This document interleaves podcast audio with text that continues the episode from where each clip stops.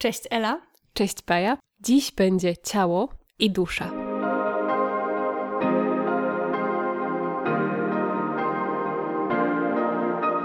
Kolejnym odcinku naszego podcastu. Bardzo się cieszymy, że jesteście z nami. Nagrywamy te odcinki troszeczkę z wyprzedzeniem, a dużo się będzie u nas działo tej jesieni, dlatego bardzo serdecznie zachęcamy Was, by sprawdzać nasze media społecznościowe. Planujemy ciekawe wydarzenia w różnych miastach w Polsce, więc po prostu trochę jakaś taka trasa jesienno-literacka. Koncertowa. Koncertowa nam, y, nam powstała, podcastowa. Trasa tak, podcastowa. Tak, tak. tak, tak. Więc y, trochę wydarzeń się szykuje w Katowicach, w Krakowie, być może w Poznaniu, w Szczecinie, w Łodzi. Tak. Więc y, trochę tego będzie. Zachęcamy Was do sprawdzania, gdzie nas będzie można spotkać. Bardzo chętnie przybiłybyśmy sobie swoją piątkę i pogadały o książkach twarzą w twarz, prawda? Tak.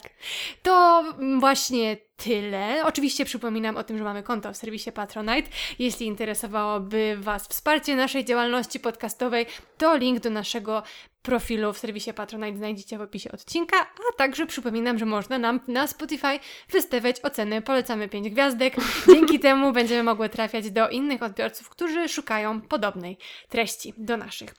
Więc to tyle. Dzisiaj ciało i dusza. Taki temat e, poważny, e, ciekawy, dobre książki, prawda? Tak, tak, znowu mamy dla Was dwie powieści. Znowu? Ostatnio też tak było? Tak. Już zapomniałam. Tak. Tak, tak było. Więc dwie powieści um, z dwóch bardzo dobrych wydawnictw. E, postanowiłyśmy, że zacznę ja, bo ja mam ciało, a Ela ma duszę, więc żeby było tak tematycznie po kolei. Um, moje ciało to ciało Huty Anny Cieplak. To jest najnowsza książka Anny Cieplak, która ukazała się pod koniec sierpnia w wydawnictwie literackim. Wydawnictwo literackie zwróciło się do nas z propozycją, czy nie chciałybyśmy tej książki przeczytać i otrzymałyśmy ją w ramach e, współpracy barterowej. Bardzo dziękujemy wydawnictwu, że o nas pomyślało. Miałyśmy powieść Anny Cieplak na radarze, więc ta książka myślę i tak i tak pojawiłaby się u nas na półkach. No i przeczytałam ją. Opowiedz nam o tym. I to jest, i to jest moje ciało. Skoro już jesteśmy przy ciele, to zacznijmy od takiej cielesności tej książki, czyli od jej okładki, która moim zdaniem jest przepiękna. Za projekt okładki stron tytułowych odpowiadał Robert Kleman, więc chciałam tutaj na to zwrócić uwagę, bo naprawdę zarówno ten kolaż, który tutaj jest, jak i tak trochę, trochę poszuram przy mikrofonie, to jest naprawdę też ciekawa faktura, jeśli chodzi o zastosowanie różnego rodzaju, no po prostu właśnie faktur. Mamy coś takiego bardziej szorstkiego, coś błyszczącego, yy, też kolorowa, piękna kompozycja. Bardzo mi się ta okładka podoba. Nie wiem, co ty sądzisz. Też mi się bardzo podoba i patrzę teraz na swoją okładkę, o której też już dyskutowałyśmy podczas lektury i też jest ciekawa, ale to nie wybiegam naprzód. Dobrze, no więc to jest to ciało książki, czyli właśnie okładka. Książkę czyta się bardzo dobrze, też bardzo dobrze się ją czytamy, już jesteśmy w tym wieku, haha, żartuję, e, że jak czasami, mm, jak zastanawiamy się nad tym, co czytać i otwieramy i literki są małe, to już to jest takie trochę trudne, więc trzeba wtedy dużego takiego samozaparcia, ale tutaj wszystko od, od takiej strony wydawniczej ta książka jest po prostu bardzo dopieszczona, moim zdaniem. Więc to tyle, jeśli chodzi o takie jakieś powierzchowne kwestie. Oczywiście też bardzo ważne, bo książka to nie tylko sama treść, a tutaj też taka wyjątkowa okładka. Przechodząc do treści, to mamy tutaj um, dwa plany czasowe. Um, mamy lata 70. E, i Hutę Katowice i mamy lata współczesne E, i e, główną bohaterkę, która tak trochę jest w teraźniejszości, a trochę do tej przeszłości też wraca. I no, po pierwsze zacznę od tego, że ta książka bardzo mi się podobała. Podobała mi się właśnie ta jej dwuplanowość. Bardzo dobrze moim zdaniem to tutaj zagrało. I tym jednak mimo wszystko, co było dla mnie takie najcenniejsze i najciekawsze są właśnie te lata 70. i ta huta Katowice, która powstaje i ci bohaterowie, którzy dookoła tej huty Katowice się obracają, a zwłaszcza kobiety. Mamy tutaj dwie bardzo ciekawe postacie, Ewę i Ule które są związane z hutą od samego początku, które gdzieś tam się kręcą. E, Ewa w ogóle znała tereny huty jeszcze zanim huta tam powstała. Ula jest osobą, która przyjeżdża do Zagłębia na tereny huty Katowice, żeby tam pracować. Więc y, ten taki, to co się dzieje z kobietami właśnie w tym okresie takiej bardzo, takiego bardzo silnego rozwoju e, tego regionu pod względem pracy, zatrudnienia, to był taki wątek, który bardzo przykuł moją uwagę i który jest moim zdaniem bardzo ciekawie i pieczołowicie poprowadzony, więc mamy tu ten taki wymiar społeczny, taki wymiar więzi międzyludzkich i, co jest moim zdaniem bardzo ciekawe, wymiar więzi z ziemią. E, mhm. To jest coś, co pojawia się właśnie w myślach Ewy, która to jest bardzo przejmujący fragment, który pojawia się zaraz na początku i który teraz tak jakoś do mnie wraca, kiedy Ewa chodzi po miejscu, który jest przekopywane, żeby postawić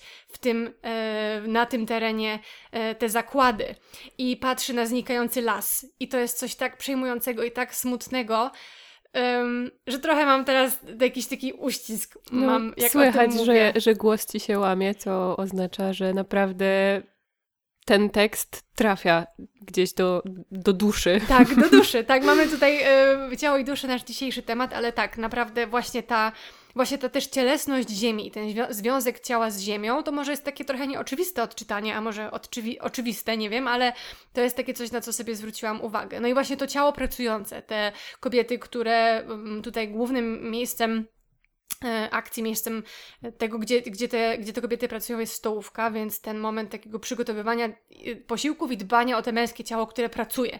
Znowu ten wymiar takiej fizyczności i ten wykańczającej pracy, wykańczającej zarówno tych kobiet pracujących na tej stołówce, jak i oczywiście wykańczającej dla mężczyzn, którzy pracują przy wytopie surówki i tak dalej.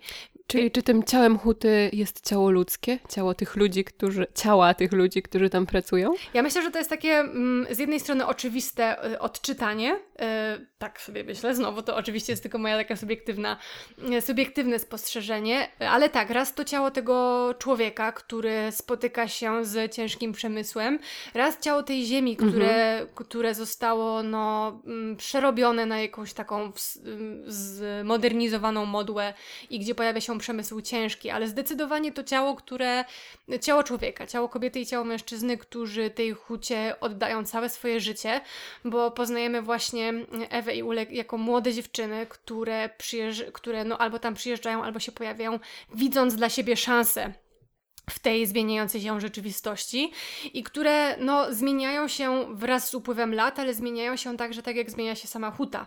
Tutaj jest też ten moment bardzo ciekawy zmiany ustroju i tego, co z ludźmi stało się właśnie wtedy, kiedy ustrój się załamał, kiedy zmieniła się w ogóle to, jak działa gospodarka, jak działają właśnie takie ogromne ogromne e, zakłady pracy, jak właśnie Huta Katowice. I co się dzieje z tymi ludźmi, którzy właśnie tracą e, no, sens, któremu oddali swoją młodość i swoje zdrowie i swoją sprawność fizyczną i często też swoją, e, no, swoje zdrowie psychiczne też bardzo często, więc ten plan czasowy w przeszłości, jakbym miała wybierać, który mi się podobał e, bardziej, to oczywiście wybrałabym właśnie tą przeszłość, ale może też jest tak dlatego, że jest ona bardzo ciekawie zestawiona z współczesnością, która zarysowuje kontekst, zwłaszcza tej przemiany, która ma miejsce i tych zmian, które się dokonują i jakiegoś takiego porównania przed i po. To jednak myślę dużo e, tutaj daje, zwłaszcza, że też Anna Cieplak nie odkrywa wszystkiego przed nami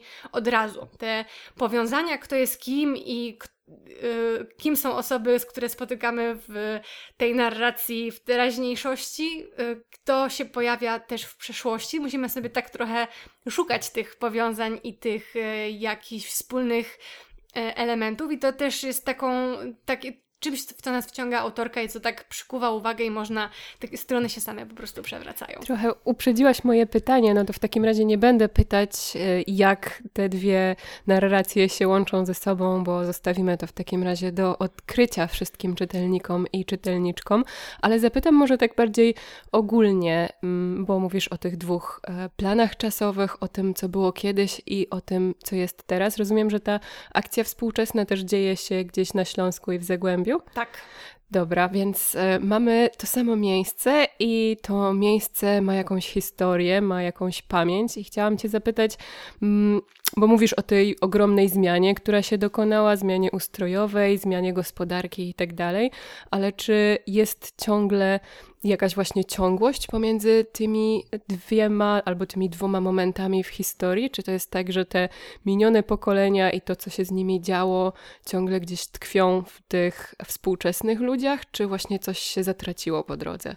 Coś się zatraciło, ale to jest to coś, co główna bohaterka Maja próbuje wyciągnąć na światło dzienne. Ona w miarę jak postępuje akcja zaczyna coraz bardziej interesować się tym, czym właściwie jest huta. Jej mama jest związana z tym miejscem, więc też ma takie osobiste e, więzi z e, tym miejscem. E, o którym mowa, więc y, raz ma taki, taką, taki łącznik osobisty, a dwa po prostu zaczynają interesować ta historia, to co tam się działo, co, jak, jak wyglądał świat wcześniej, jak wygląda teraz. Myślę, że też tym takim wspólnym mianownikiem, który łączy w taki nieoczywisty sposób może te dwa plany czasowe jest praca mhm. E, i sytuacja e, Mai i jej zapatrywania na przyszłość, która jest dosyć niejasna i wcale nie jest taka pewna i zatrudnienie wcale, nie jest takie oczywiste. Jej ścieżka rozwoju wcale nie jest jakoś no, z góry ustalona. Z góry ustalona, dokładnie, więc ta niepewność z tą pewnością, która jednak charakteryzowała lata 70. Mhm. i tą pewność zatrudnienia,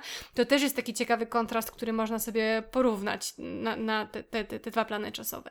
Więc y, no, Maja szuka wielu rzeczy, sensu życia, pracy, miłości, odpowiedzi na to, co było kiedyś, żeby być może spróbować sobie jakoś odpowiedzieć na pytania, które nurtują ją teraz. Więc to jest taka bardzo ciekawa podróż e, w głąb siebie, bo też ta narracja w teraźniejszości jest narracją pierwszoosobową, więc poznajemy to wszystko właśnie z punktu widzenia tej Mai, która nie do końca wie co i jak, gdzie teraz, co chce robić, gdzie jest przyszłość dla niej, e, dla jej najbliższych i tak dalej, a te fragmenty, które dzieją się w latach 70., to jest narracja e, trzecioosobowa. I co jest też bardzo ciekawe, myślę, że to nie jest spoiler, ale w całkiem ostatnim rozdziale, gdzie spotyka się przeszłość z teraźniejszością, e, narracja znów jest wszechwiedząca, więc to jest taki.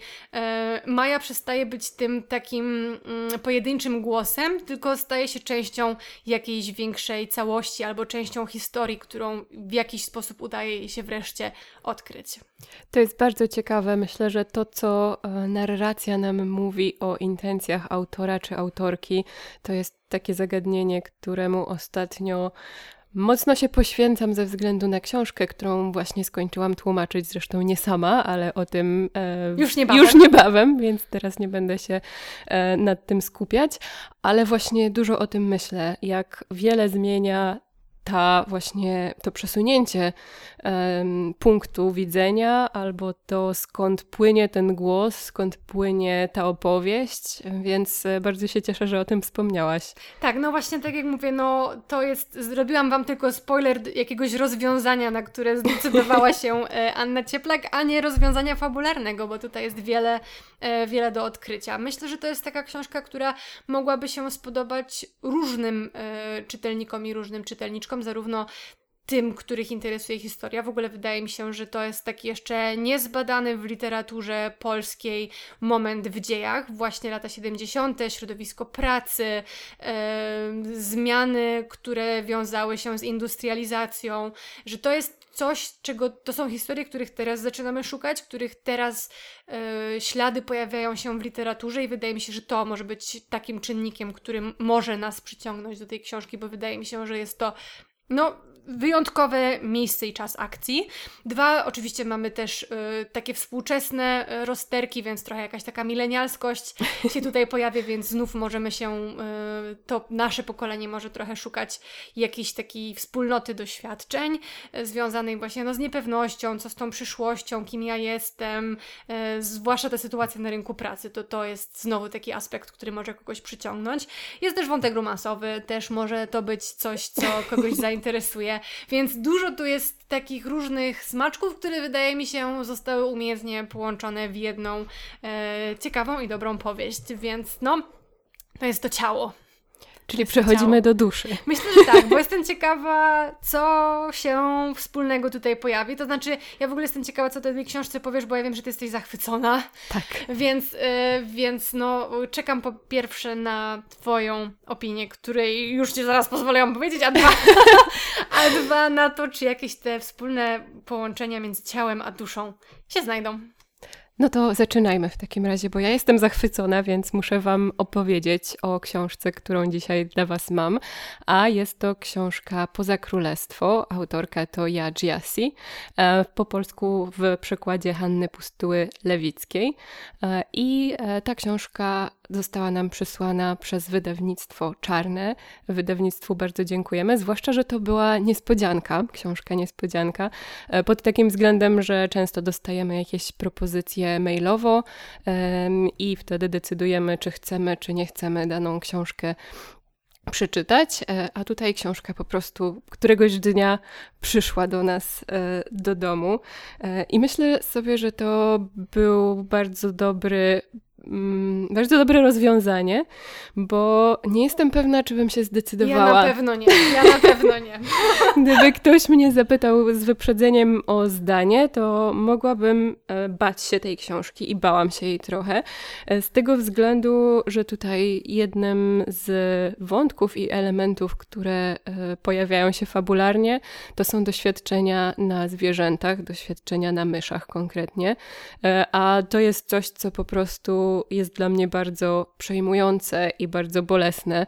Nie mogę czytać e, o doświadczeniach na zwierzętach, bo od razu sprawia mi to taki ból, że, no, że jest to naprawdę trudne.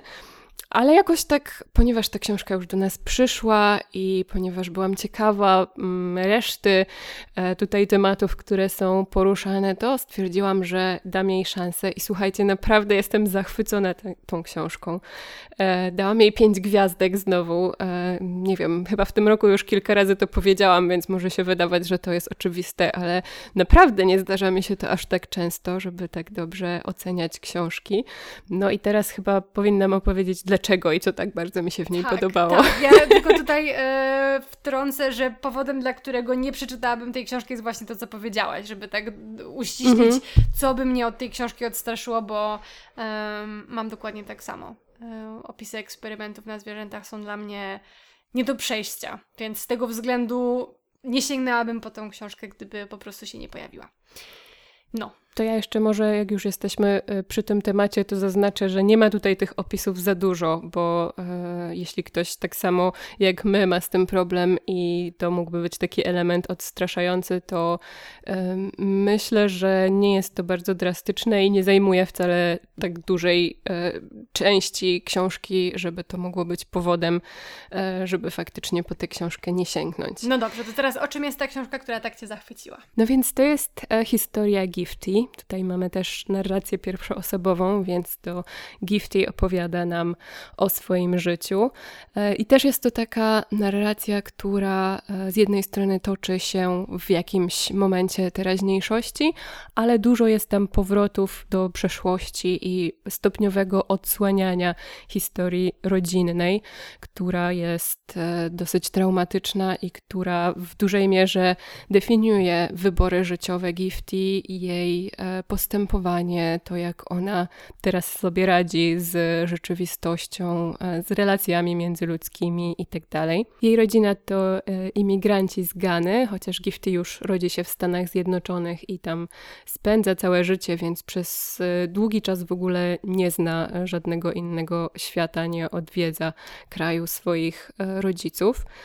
Ale to, że jej rodzice są imigrantami, ma duży wpływ na to, jak rodzina się odnajduje i w ogóle na całe losy rodziny. Myślę, że to jest taki pierwszy element, który e, wprawia wydarzenia w ruch i który e, sprawia, że e, rodzina powoli zaczyna się na różne sposoby rozpadać czy oddalać od siebie. To właśnie to doświadczenie imigracji, tak? Tak, przede wszystkim e, dotyka ono e, jej ojca, który z Gany przeprowadza się do Stanów Zjednoczonych i tam po raz pierwszy styka się z takim amerykańskim wydaniem e, rasizmu, gdzie jest postrzegany przez pryzmat tego, że jest potężnym, czarnym mężczyzną, co oczywiście bardzo negatywnie odbija się na nim, na jego psychice, na ten, jego relacjach ze wszystkimi. Ten hmm? ciężar stereotypów. Tak, tak, ciężar stereotypów i ciężar po prostu e, no, tego codziennego doświadczenia e, związanego z rasizmem.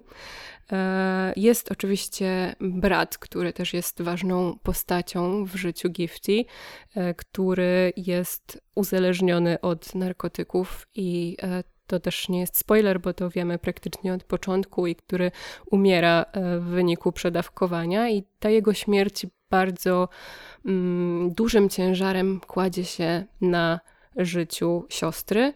E, I między innymi dlatego Gifty właśnie wybiera karierę naukową.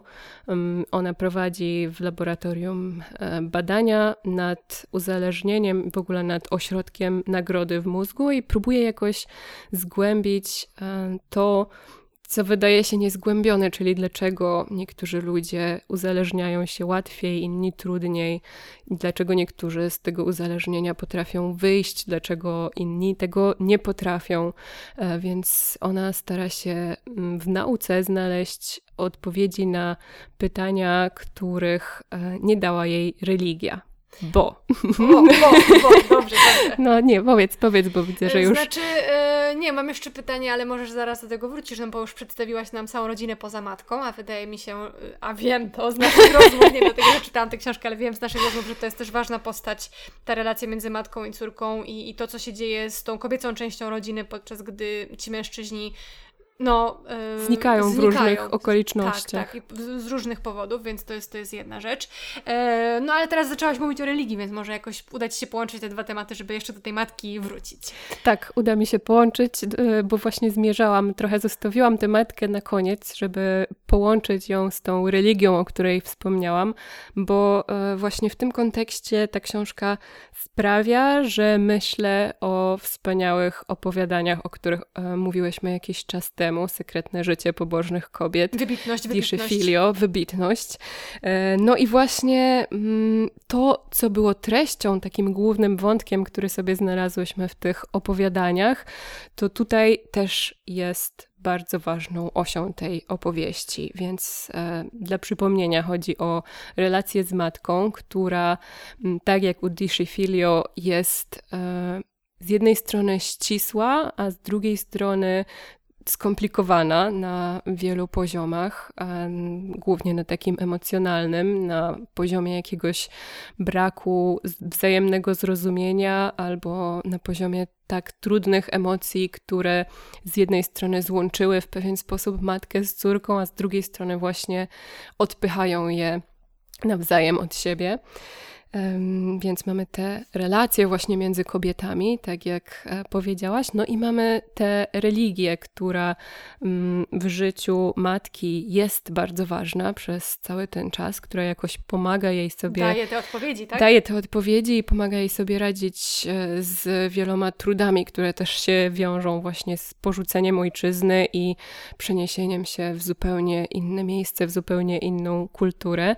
E, no i ta religia w rozumieniu takiej naprawdę głębokiej duchowości była bardzo ważna dla małej Gifty.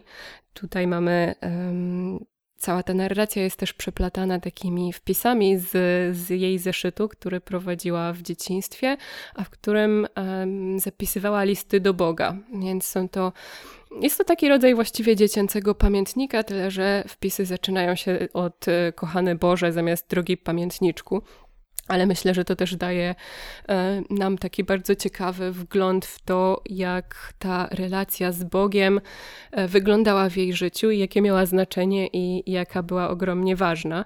I jakim źródłem rozczarowania ostatecznie się okazała? Tak, tak, tak. No więc właśnie mamy tutaj e, ten moment przejścia, kiedy pojawiają się te wszystkie traumy i problemy, moment przejścia od szukania odpowiedzi e, u Boga czy u pastora w religii e, do poszukiwań w nauce i no, myślę, że to jest też ciekawa refleksja, właśnie kto e, jest w stanie dać nam te odpowiedzi i czy ktokolwiek albo jakakolwiek dziedzina, właśnie czy ta dusza, która wcześniej odnajdywała spokój w e, religijności, jest w stanie odnaleźć jakikolwiek spokój w nauce i w wierze w naukę.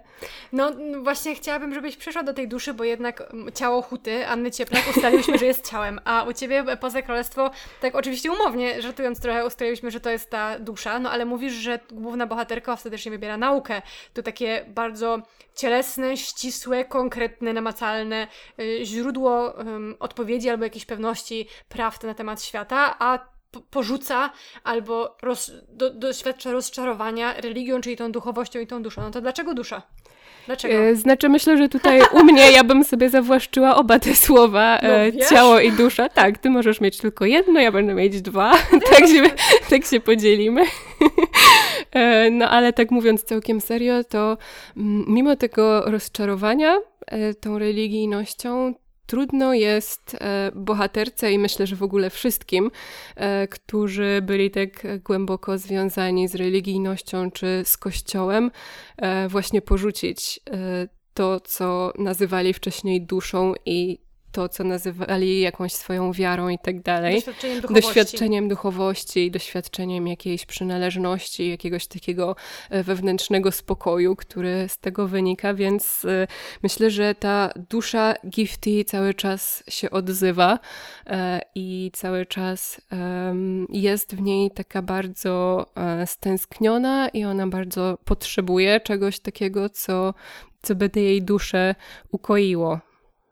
Pięknie powiedziane. No to yy, ja teraz tak patrzę na tę książkę i słuchając o tym, co masz do powiedzenia właśnie na temat tej religijności, duszy i nauki i ciała, wspaniale się to tutaj splata w tej okładce, prawda? Tak, Naprawdę. No Jest właśnie. to e, takie małe dzieło sztuki, w którym, które ja zaczęłam sobie trochę odczytywać gdy ty czytałaś i opowiadałaś mi trochę, a teraz już jak wiem więcej i patrzę na nią, to wydaje mi się, że to jest taka naprawdę dobrze zaprojektowana rzecz. Tak, tutaj za projekt okładki odpowiada Urszula Gireń e, i myślę, że tak jak powiedziałaś, tutaj się splata e, wiele tych wątków na tej e, okładce, zresztą słowo splatać się jest e, bardzo na miejscu, bo tutaj mamy coś takiego, co przypomina z jednej strony witraż, jakiś taki z katedry, e, ale co jednocześnie jest też e, wzorami chemicznymi. Wzorami tak? chemicznymi albo łańcuchem DNA tutaj w pewnym miejscu. Mamy tutaj niebo e, prześwitujące w niektórych miejscach. Mamy dwie postaci albo tę samą postać patrzącą na siebie w jakimś lustrze albo w nielustrze, więc też ta okładka i to ciało tej książki, skoro już tego nazewnictwa się trzymamy, też e, wspaniale się łączy z treścią i wspaniale się nadaje w ogóle do mm, interpretacji. Tak, no tak sobie teraz opowiadamy. Oczywiście macie tylko nasz głos, nie macie wizji, będziecie mogli zobaczyć i mogły zobaczyć tę okładkę w naszych mediach społecznościowych. To się wydaje, że to jest wszystko takie, że ponieważ jest nauka, to jest DNA i ponieważ jest religia, to jest witraż, to to się może wydawać, że to jest jakieś takie strasznie patologiczne, ale wcale tak nie jest, więc zachęcam Was do tego, żeby się przyjrzeć temu, jak ta okładka jest zbudowana, ale chciałabym jeszcze, żebyś wróciła do tej narracji pierwszoosobowej, bo to czasami jest y, trudne, a czasami jak się uda, to jest wybitne, ale oczywiście rozumiem, że w przypadku tej książki E, jest wybitne. Tutaj Roxane Gay tak wspaniale powiedziała, e, wścieka mnie, jakie to jest dobre. No, A-classic po prostu ze tak, strony Roxane, Roxane Gay. Gay. Typowe Roxanne Gay. Typowe Roxanne Gay, no właśnie, ale chciałabym, żebyś powiedziała nam coś więcej. Eee, rozumiem, że nie, nie, nie towarzyszyło Ci uczucie wściekłości. Nie, to nie było to. Ja i Roxanne Gay się różnimy zdecydowanie temperamentem. Takie mam przynajmniej wrażenie, jak czytam jej eseje jakieś takie autobiograficzne, albo jak czytam jej e, recenzje na Goodreads. Więc myślę, że to byłaby ciekawa przyjaźń moja z Roxanne Gay, a to jest dygresja. E, a wracając do Twojego pytania, to tak jak powiedziałam, ja jestem zachwycona tą książką e, i ta narracja też bardzo mi się podobała. Mm, wydaje mi się, że była naprawdę mm, poprowadzona w taki sposób, że z jednej strony mm, było to bardzo wiarygodne, to znaczy była tam taka zwykła ludzka może niejednoznaczność, to jest to słowo, którego szukam. E, nie było tam mm, jakichś definitywnych wniosków, czy właśnie takiego łopatologicznego e, wyjaśnienia, skąd się biorą różne emocje, albo jak e, jedna rzecz łączy się z drugą, tylko tak jak to czasami jest w naszych e, ciałach, w naszych duszach, umysłach i sercach, e, że to wszystko się splata, że my szukamy czasami, gdzie ten wątek ma swój początek, e, a gdzie on prowadzi i tutaj wydaje mi się, że to zostało dobrze oddane. No a poza tym ja strasznie się identyfikowałam w ogóle z tą bohaterką i tak sobie pomyślałam, taka refleksja ogólna, że kocham to w literaturze i to jest niesamowite, że można się odnaleźć w zupełnie niespodziewanych miejscach czasami, bo e, no tak patrząc z zewnątrz, no to tak jak już mówiłam, Gifty jest e, czarną Amerykanką z rodziny e, emigrantów, pracuje naukowo, właśnie przeprowadza te eksperymenty, które mnie straszliwie prze, przerażają. E, I wydawałoby się, że nie mamy wiele wspólnego, ale e, bardzo się identyfikowałam i odnalazłam w jej przeżyciach, w jej e, wyborach, w tym, jak ona na różne sprawy reaguje, w emocjach, których doświadczała. No i to e, jest coś, co właśnie w literaturze jest wspaniałe. E, zwłaszcza, że mm, opowiadałam ostatnio o Marcie u Haśki Szyjan e, i tu z kolei ta bohaterka była dla mnie zupełnie obca pod takim względem charakterologicznym czy osobowościowym, a wydawałoby się, że będziemy miały znacznie więcej wspólnego, więc to, e, jak ta kreacja postaci w literaturze może wyglądać i co z nami, czytelniczkami i czytelnikami może się dziać w spotkaniu z tymi postaciami, to jest naprawdę wspaniałe. Skoro już tak mówisz o postaci i o kreacji postaci, czy ja mogę na chwilę Możesz. do ciała e, Huty Anny Cieplak? Bo tutaj z kolei mamy troszkę inną sytuację, no bo postaci jest dużo. Mhm. Właśnie mamy e, Zygmunta, Ewę i Ulę w przeszłości. E, w teraźniejszości mamy Maję, ona też ma dwie serdeczne przyjaciółki, jeszcze jest jej matka, jeszcze są, jeszcze są męż mężczyźni w jej życiu, którzy nie są postaciami pobocznymi, tylko są aktywnie E, w rozgrywających się scenach, w, w miarę jak postępuje fabuła, to też w ogóle jest książka, ta współczesność e, dzieje się przez lata, więc wiele się u Mai zmienia, więc tutaj z kolei wiele jest interakcji między postaciami mhm. i wydaje mi się, że to też jest taka rzecz, którą trudno uchwycić, to jak poszczególne postaci, które są różne, współpracują ze sobą mhm. w danej scenie i w miarę tego, jak rozwija się fabuła i uważam, że e, no, Anna Cieplak ma jakieś takie bardzo to bardzo o te postaci ze sobą wiarygodnie współpracują, e, mhm. bardzo wiarygodnie rozmawiają i ona w taki przenikliwy sposób zwraca uwagę na to, jak poszczególne, poszczególne postaci się czują w, w efekcie jakiejś, um, jakiejś zmiany, albo w efekcie jakiegoś dramatycznego spotkania, albo w efekcie jakiegoś traumatycznego wydarzenia, które miało miejsce, a które których jest w tej książce trochę, więc tutaj z kolei jest wiele postaci, wiele różnych charakterów, które trzeba, e, poprze, których trzeba poprzeplatać ze sobą i których trzeba jakoś połączyć i którym trzeba dać jakieś więzi, jakoś je zdefiniować i wydaje mi się, że to jest naprawdę fajnie tutaj w tej książce zrobione, że nie ma tak, że jest jakiś jeden e, silniejszy głos, tylko tych głosów jest więcej i trzeba umiejętnie zaludnić ten wykreowany świat e, tymi wymyślonymi e, postaciami. Więc, czyli? Mhm. Tak, czyli no, czyli, czyli. Czyli, czyli, czyli tutaj u Ciebie jest bardziej siatka postaci tak, tak, i bardziej taka pajęcza sieć, jak jedna w jednym miejscu zacznie drżeć, to wszystkie inne miejsca też drżą. Tak, Tylko dokładnie. w inny sposób. Tylko w inny sposób, dokładnie. Ale właśnie chciałam zwrócić uwagę no, na jakąś taką różnicę, którą tutaj teraz y, dostrzegłam, a w sumie to jest coś, co chciałam skomentować, tylko zapomniałam, więc fajnie, że mi się przypomniało.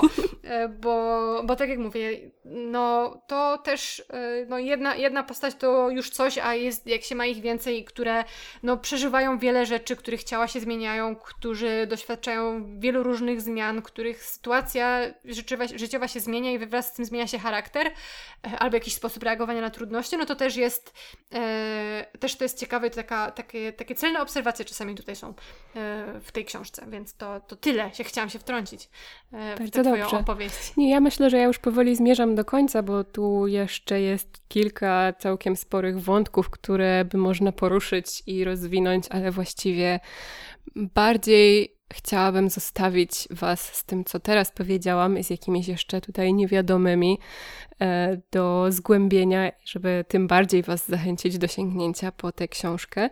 No i może na koniec, chyba że Ty masz jeszcze do mnie jakieś pytania. Nie, nie mam. Właśnie wydaje mi się, że bardzo ciekawie, w nieoczywiste sposoby te książki się łączą i się różnią, więc wydaje mi się, że to też jest taka ciekawa dynamika e, i chyba już nie mam więcej pytań. To ja bym na koniec chciała przeczytać fragment, mogę? Bo Oczywiście. ja bardzo lubię czytać fragmenty. Ja wiem, ja wiem, więc przeczytaj nam fragment. E, pewnie go jeszcze jakoś skomentujemy i osadzimy w, w, w tych wszystkich tematach, które sobie poruszyłyśmy. A może nie, może tak po prostu zagaduję i mm, gadam do tego mikrofonu, aż znajdziesz odpowiednią stronę. Ja już mam odpowiednią stronę. Właśnie w tej, w tej chwili właśnie ją znalazłaś. No dobra, niech będzie. Dobrze, to czytam. Bałam się śmierci i bólu. Bałam się starych ludzi. Kiedy mama wracała od pani Palmer, unikałam jej, dopóki nie wzięła prysznica i nie zmyła tego wszystkiego, co mogła przynieść na skórze. Dopiero kiedy znowu pachniała moją mamą, siadałam przy niej i słuchałam opowieści o umieraniu pani Palmer, jakbym siedziała przy ognisku i czekała, aż kobieta z podświetloną latarką twarzą zacznie opowiadać o upiorach. Dokąd ujdę przed duchem Twoim i dokąd przed obliczem Twoim ucieknę? Jeśli wstąpię do nieba, Ty tam jesteś, a jeśli przygotuję sobie posłanie w krainie umarłych, i tam jesteś. Gdybym wziął skrzydła rannej zorzy i chciał spocząć na krańcu morza, nawet tam prowadziłaby mnie ręka Twoja, dosięgłaby mnie prawica Twoja. Mama czytała mi fragmenty pisma, które wcześniej czytała pani Palmer, i ten właśnie zrobił na mnie największe wrażenie. Do dziś sprawia, że łzy napływają mi do oczu. Nie jesteś sama, mówi, i to jest pocieszeniem, nie dla umierającego, lecz dla tych z nas, którzy przeraźliwie boją się, że ich zostawi. Bo przecież to nie śmierć pani Palmer mnie przerażała. To nie ze względu na nią mama robiła nam wykłady o dźwiękach i o łagodzeniu bólu. Bałam się o Nanę. Bałam się Nany i śmiertelnego harkotu, którego obie nasłuchiwałyśmy, choć żadna z nas nie chciała się do tego przyznać. W różnych momentach i miejscach mojego życia widziałam ofiary nałogu i ich kochających bliskich. Widziałam ich na gankach domów i na ławkach w parkach. Mijałam w korytarzach ośrodków odwykowych. I zawsze był przy nich ktoś, kto nasłuchiwał tego chrapliwego dźwięku, kto wiedział, że się pojawi. Zawsze się w końcu pojawiał. Fragmenty Pisma Świętego, które czytała mama, były nie tylko dla pani Palmer, ale i dla nas. Obie szukałyśmy pocieszenia w Bogu, bo w żaden sposób nie mogłyśmy go dostać od Nany. Piękny fragment. W ogóle mm, to, ta relacja właśnie między matką i córką i tu nie tyle te Słowo Boże albo jakieś takie pocieszenie płynące z duchowości, ale właśnie tu też siedzenie blisko. Tam był ten Mhm. fragment zaraz na początku o historiach opowiadanych przy ognisku. Ja wiem, że tutaj chodzi o to takie straszne historie, które się Tak. opowiada, ale jednak mimo to jakoś ten, ten obraz bycia przy ognisku i tego, tej wspólnoty, która często się działa w pierwotnych społecznościach, że si- siada przy ogniu, żeby spędzić razem czas i nawiązać jakąś więź i zbudować sobie jakieś podstawy dla Twojego światopoglądu. I tutaj w kontraście z tym siadaniem razem na kanapie, czekaniem na mamę, aż będzie gotowa, żeby poświęcić mi swój czas i zbudować jakoś moją tożsamość.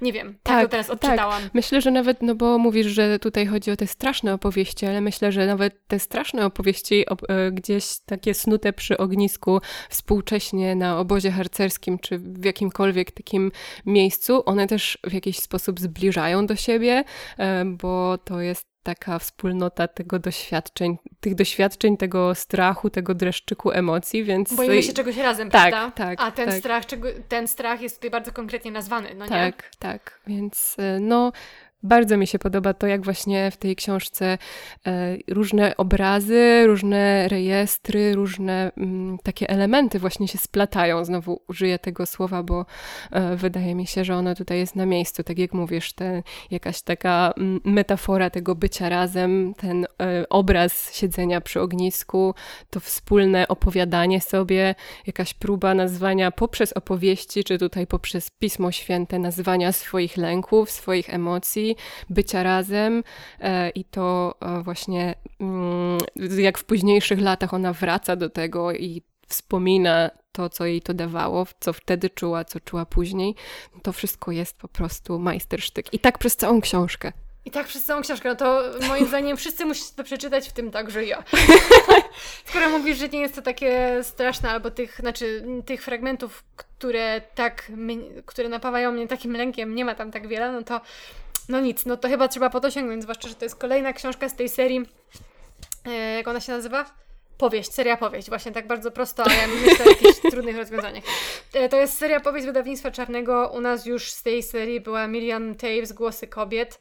E, Była już Irene Zola, Ja śpiewam, a góry tańczą. Był już Eduardo Halfon, Klasztor Żałoba i była Haśka Szyjan za plecami, e, więc naprawdę I wiele... dzisiaj, i dzisiaj Yajiasi, ja- poza królestwo. tak, więc naprawdę wiele się w tej serii dobrego e, dzieje. Na razie miałam jeden zawiu- zawód, straszliwa zieleń, tak książka mi się straszliwie nie podobała, no ale poza tym, ale poza tym to więcej plusów niż minusów e, z tej serii Zdecydowanie. dla nas na razie. Ela poleca. E, A ja polecam Ciało Huty, Nasze Ciało i Dusza, e, dzisiejszy zestaw dla Was. Od nas. Bardzo Wam dziękujemy za uwagę. Cieszymy się, że jesteście z nami. Mamy nadzieję, że fajnie się słuchało. Mamy nadzieję, że czytacie sobie dobre książki, że czeka Was e, dobra jesień. Czy coś jeszcze, Ela, chcemy dodać? Nie, tylko tyle, że będziemy sprawdzać, czy zostawiliście i zostawiłyście nam jakieś komentarze na naszych mediach społecznościowych, bo bardzo lubimy je czytać. E, No i lubimy też czytać inne rzeczy, więc znowu coś przeczytamy i opowiemy Wam o tym w przyszłym tygodniu. Do usłyszenia. Do usłyszenia.